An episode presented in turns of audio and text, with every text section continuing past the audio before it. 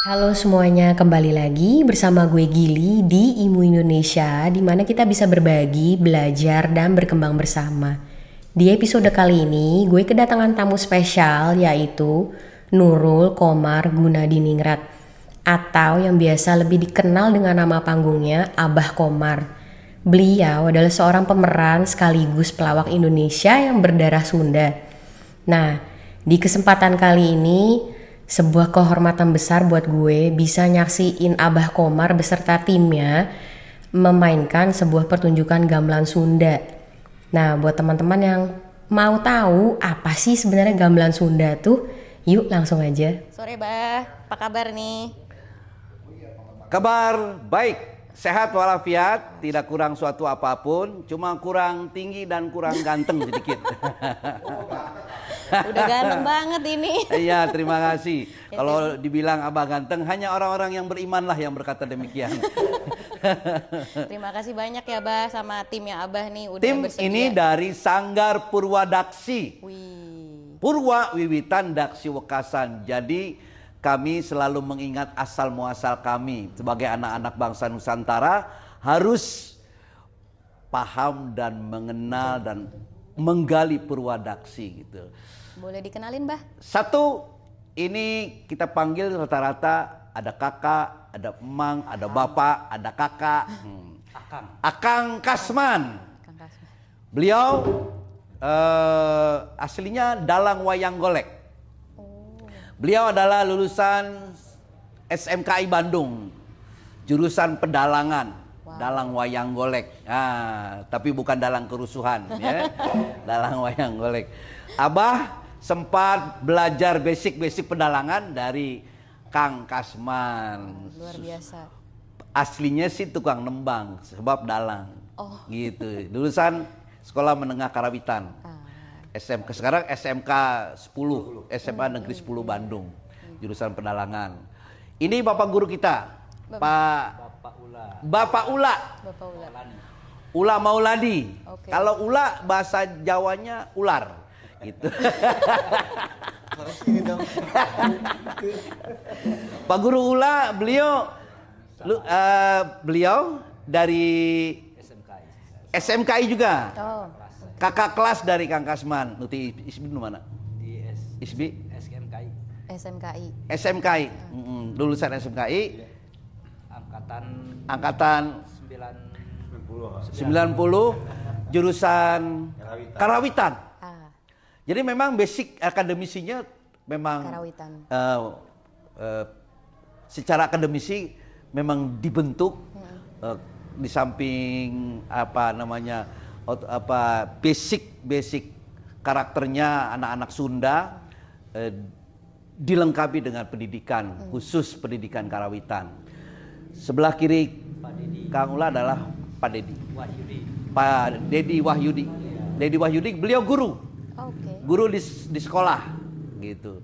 Ngajar musik ya Pak? Akarawitan. Ajar Karawitan. dari SSI Solo Oh. Sekolah tinggi seni Solo Sekolah Tinggi Seni Solo, Oke, sip. STSI, Hmm, Pak Guru. jurusan Karawitan Jurusan Karawitan juga, gitu. Lanjutan Jogja. Jurusan Pa- Pasar Anyar, Karawaci. Tukang gendang, itu yang di di depan eh, Pak Guru, Heeh. eh, di depan Pak Dede itu adalah yang disebut gamelan panerus ya, iya penerus panerus. Saron, Saron panerus. Kalau Kang Kasman? Saron juga Saron satu atau disebut peking dalam degung itu ada peking ada penerus ada bonang jenglong kendang gong Kalau nu ieu Bonang. Bonang. Bonang. Bonang. Oke. Ada nama pelawak namanya Bonang juga gitu. Nggak tahu. Nggak tahu. Mungkin ada inspirasi ay- ayahnya Bonang. Eh, di daerah ya Bonang. Oke. Tukang gendang Kang Bagas. Kang Bagas SMKI Bandung juga ya. iya Sekolah Menengah Karawitan SMK Negeri 10 Bandung. Hmm, hmm. Beliau lulusan tahun berapa? 2016. Perkusi Perkusi. Karawitan. Oke.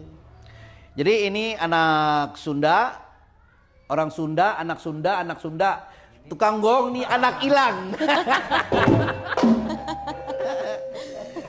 Kita harus kagum, ini adalah bagian dari anak-anak Nusantara. Oke. Boleh agak maju? Agak maju. Hmm, biar Pak Haji kenalkan. Nama aslinya Andrianto. Andrianto. Oke. Sunda. Kakak Gili tahu mau beliau dari mana? Kurang tahu. Dari Nusa Tenggara Timur, anak bangsa Nusantara dari Nusa Tenggara Timur. Wah. Tapi luar biasa, punya interestnya terhadap kesenian Sunda dan karakternya karakter Sunda jadinya. Oh. Santun, hmm, eh, halus gitu. Oh, Oke. Iya, dia nggak boleh nggak boleh kena air panas langsung berasa dia. Andrianto ya. Luar Flo- biasa Flores ya. ya Andrianto. Flores. NTT Ya, toh? gitu. NTT bukannya NTT. Sasando ya biasanya ya? Oh. Ah, Iya Sasando ya. Medan. betul ya. Udah, udah lama di sini. Di sini Ah, makanya lebih ke di Flores, ibunya Medan. Ibunya Medan, bapaknya dari NTT. Wah Indonesia sekali ya, di Nusantara sekali. Wah, wah. Eh, Adrianto dia piawai juga pegang saron ya, Iya. saron Hmm, gitu. Main tekian. Oke oke oke. Tekian, you know Tekian tekian, kan tekian, rebab Ya, cokek. ya, ya. Kesenian cokek, cokek itu kesenian khas Tangerang. Itu perpaduan antara seni tradisional seni Tionghoa dan eh, DKI Jakarta. Sunda. Sunda ya. Eh, dikol- dikolobo- dikolaborasi lahirlah eh, kesenian tradisional cokek khas Tangerang. Ah, Gitu. oke oke oke. Wah luar biasa ya. Hmm. Saling bisa Saya aja nggak kenal sama saya. Kalau saya sendiri saya nggak kenal. Saya lupa juga saya dari mana.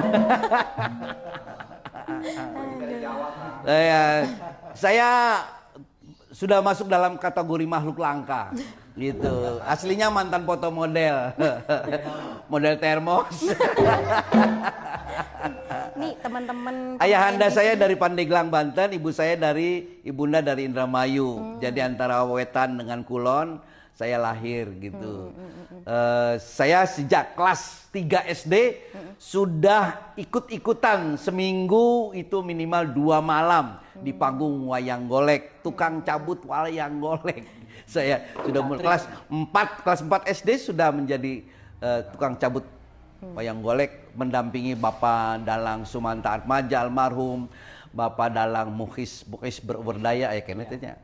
Salut. Mungkin basicnya kemudian eh, saya menjadi sesuatu yang menjadi ti- tidak bisa dipisahkan antara Haji Komar dengan musik tradisional gitu. Kakak Gili. Oke, oke. salut sih maksudnya teman-teman di sini dari mana tapi bisa jadi satu komunitas buat mainin seniman apa seni karawitan ini ya.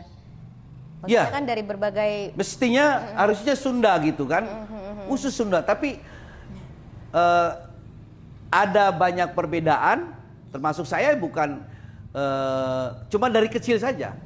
Dari kecil saya berada di tengah-tengah seni Sunda wayang golek, seni getap pencaksilat dan kelas 4 SD sudah sudah main reog, dog reog. Jadi kami memang berbeda tapi bersatu dalam kebinekaan ini. luar Ini biasa. Luar biasa. ini seni seni tradisional ini seni kebangsaan. Jeli juga pemain calung juga. Calung, Calung. Oh, saya pe- pemain calung, pemain reog. Ah, pokoknya terakhir termain pemain debus gitu. debus juga. Aduh. gitu. Nih, Abah Komar boleh cerita dikit nggak yang termasuk dalam alat musik gamelan Sunda tuh apa aja jadinya? Ada gamelan degung, ada gamelan salendro. Oke. Untuk di karawitan Sunda itu. Mungkin Jawa juga sama karena yang memiliki gamelan itu hanya Sunda, Jawa dan Bali ya, se-Indonesia itu. Nah, itu khusus di Sunda ini seperangkat gamelan degung. Ini ada yang kurang bikin jenglong ya.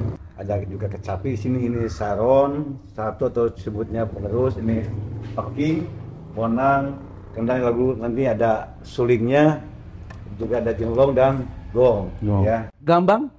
Bagian dari Bagian dari eh, musim sampan. gitu juga mungkin yang yang lebih ini di gamelan itu dua-duanya juga sangat berapa itu dominan dominan baik yang salendro maupun gamelan dugung juga. gitu. Nah ini dengan keadanya Saya, dua saya potong sebentar. Ya. Eh, saya terjemahkan. Surupan. Ada dua surupan. Ya. Surupan salendro dan pelog. Pelog. Surupan itu identik dengan eh, nada dasar ya. Laras, laras, laras ya. Kalau Gitu. mungkin dalam musik tangga nada ya Pak ya dan diatonis ada pentatonis kan gitu. Mhm. Nah, ini termasuknya pentatonis yang kita yang hadapi ini.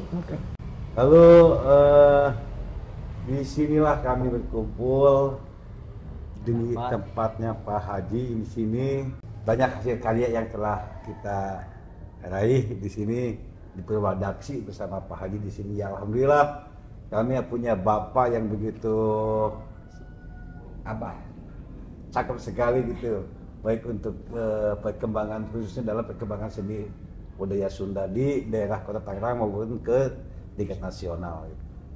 Terus sebenarnya apa sih bedanya gamelan Sunda, gamelan Jawa sama gamelan Bali? Apanya yang bikin beda Perbedaan. gitu, Pak?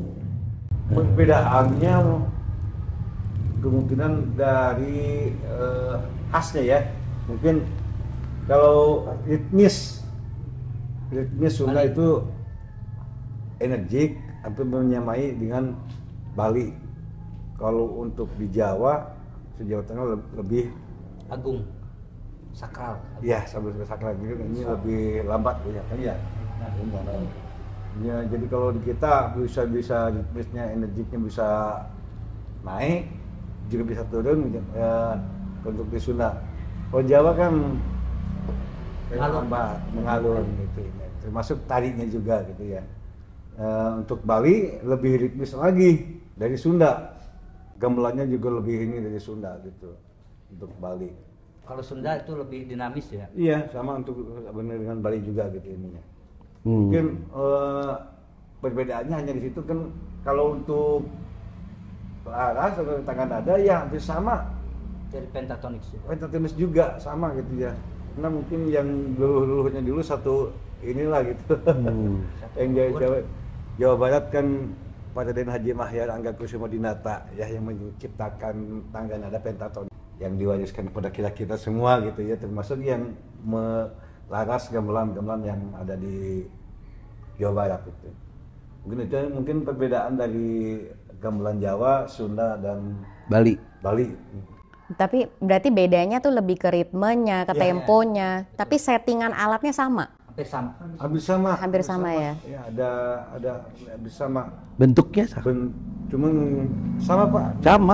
cuman di, di Bali aja yang agak beda dari bentuknya yang lebih Bali lebih lebih tinggi ininya Ah. ya. Hmm. Sunda Jawa mungkin eh, sama Salendro pun juga sama peloknya sama Jawa itu Tangan ada salendro dan pelok. Ya. Pen itu identik dengan diatonis dan pentatonis gitu. Salendro tuh pentatonisnya berarti. Ya, kira-kira itulah. Oke. Gitu. Buat pertanyaan buat Abah Komar nih, ada kiat tertentu nggak sih yang bisa dilakukan sama kita kita nih para seniman biar eh, masyarakat Indonesia tuh bisa lebih kenal lagi sama musik tradisi Indonesia itu sendiri. Tentu saja ada kiat-kiat tertentu dan ini harus dilakukan dalam dalam konsep sinergitas. Kalau masing-masing jalan nggak bisa. Contoh soal, ada beberapa stasiun TV swasta nasional yang pernah menayangkan rutin penampilan pergelaran wayang golek misalnya. Pergeral, pagelaran wayang kulit, wayang orang.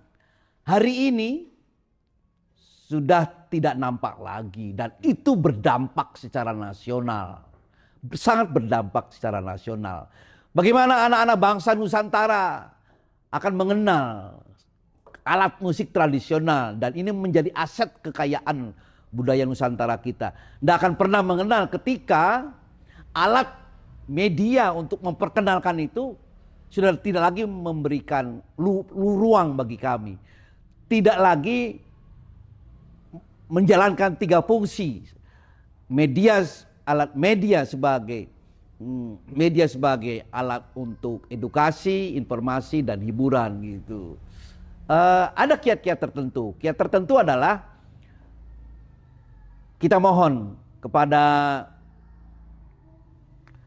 uh, stakeholder di negara ini untuk segera membangun sinergitas untuk membangun kesepakatan nasional antara pemangku kepentingan pemerintahan dengan para pelaku seni panggung untuk mensinergikan supaya anak-anak bangsa ini mengenal mengenal jati dirinya seni tradisional Nusantara baik Jawa, Sunda, Bali dan lainnya karena di Sumatera juga banyak gitu.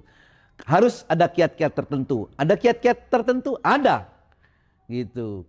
Kalau untuk dideskripsikan hari ini makan waktu yang panjang gitu. Saya eh, sangat berharap kondisi ini eh, karena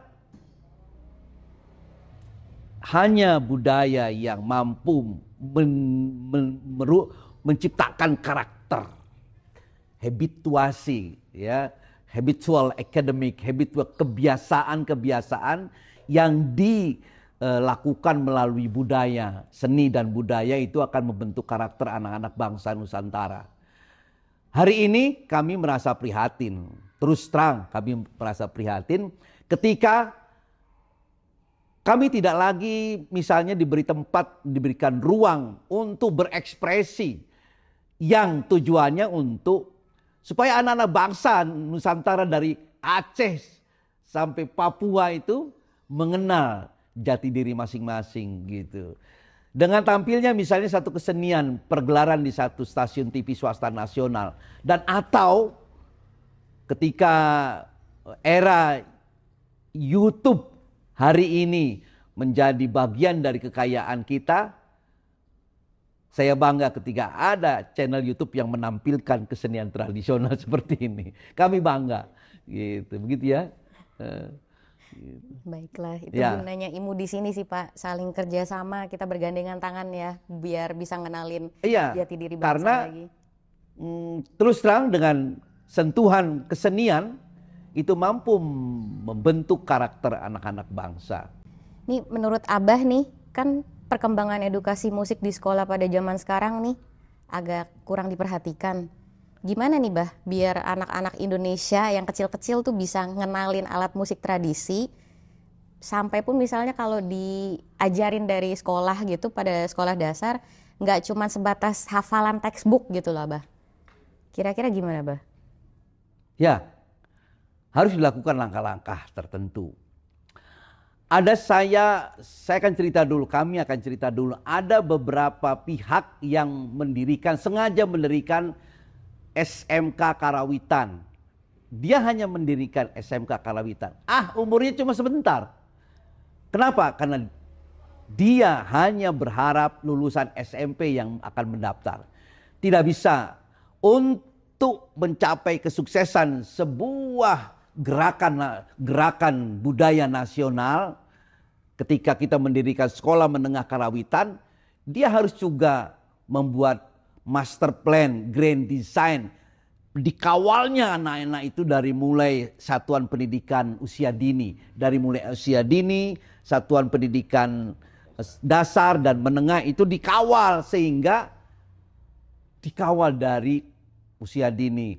Nggak bisa cuma ngarepin dari daftar mendirikan SMK nungguin orang anak-anak daftar yang dari SMP. Ah, sebentar saja usianya.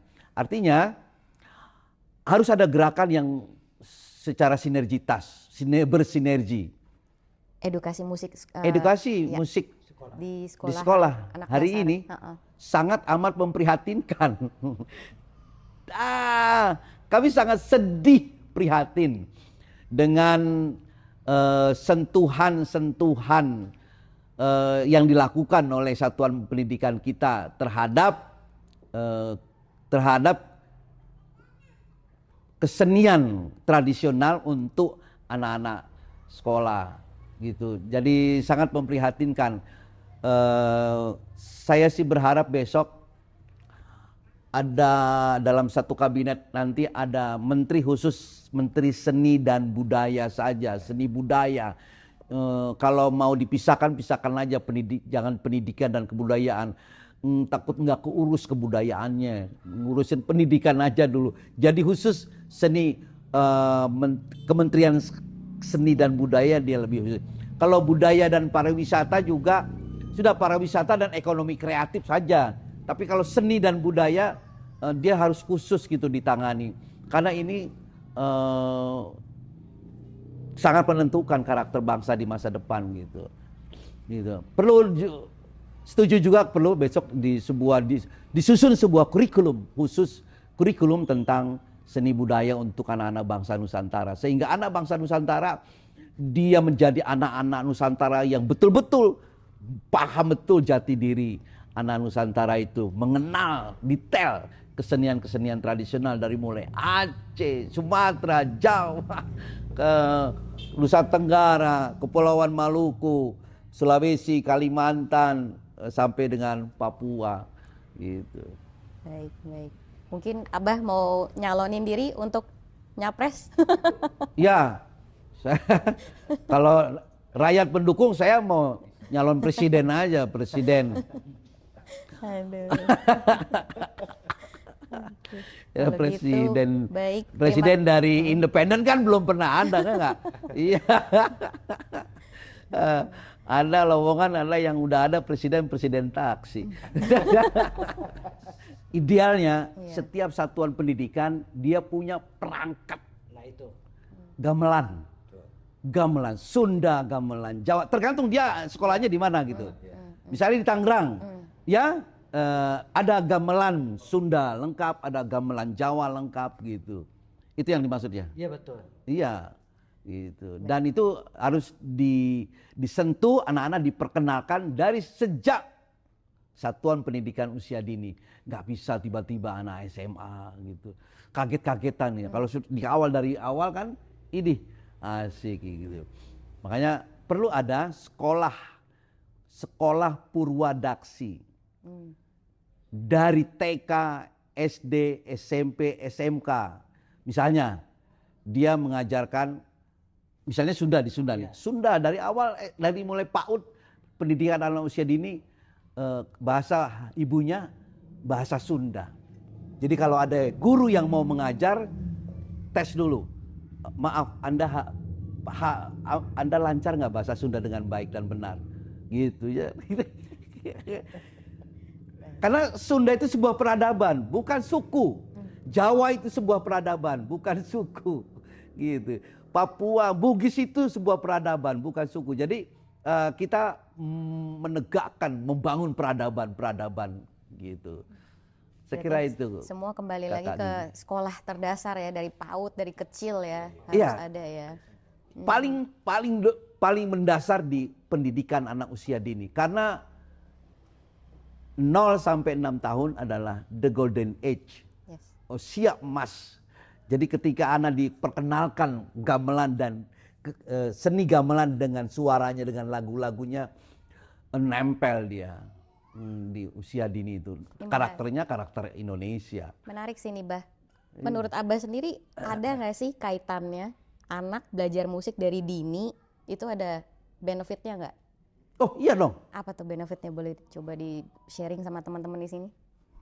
Kalau gini, dalam neuroscience ada empat kecerdasan yang selalu dieksplorasi setiap epis- episode anak. Misalnya, apakah eh, keseni, apakah lagu-lagu Sunda yang diiringi oleh gamelan tradisional Sunda berpengaruh kepada kecerdasan anak? Itu pertanyaan.